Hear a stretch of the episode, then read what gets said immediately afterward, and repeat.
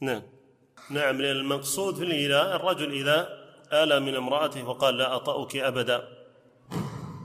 فالحالة هذه الرجل ينظر كما ثبت عن علي بن أبي طالب رضي الله عنه وغيره من الصحابة أنه ينظر أربعة أشهر للآية. فإن آه، فاء وحصل الجماع قبل تمام الأربعة أشهر ف يعني فقد يعني انتهى الإيلاء وإلا فإنه يوقف بعد نهاية الأربعة أشهر ويؤمر إما بأن يرجع إلى جماع زوجته أو يطلقها ولا يعني له خيار آخر غير ذلك ولا يستطيع أن يكمل بعد الأربعة أشهر إلا إن رضيت هي بذلك.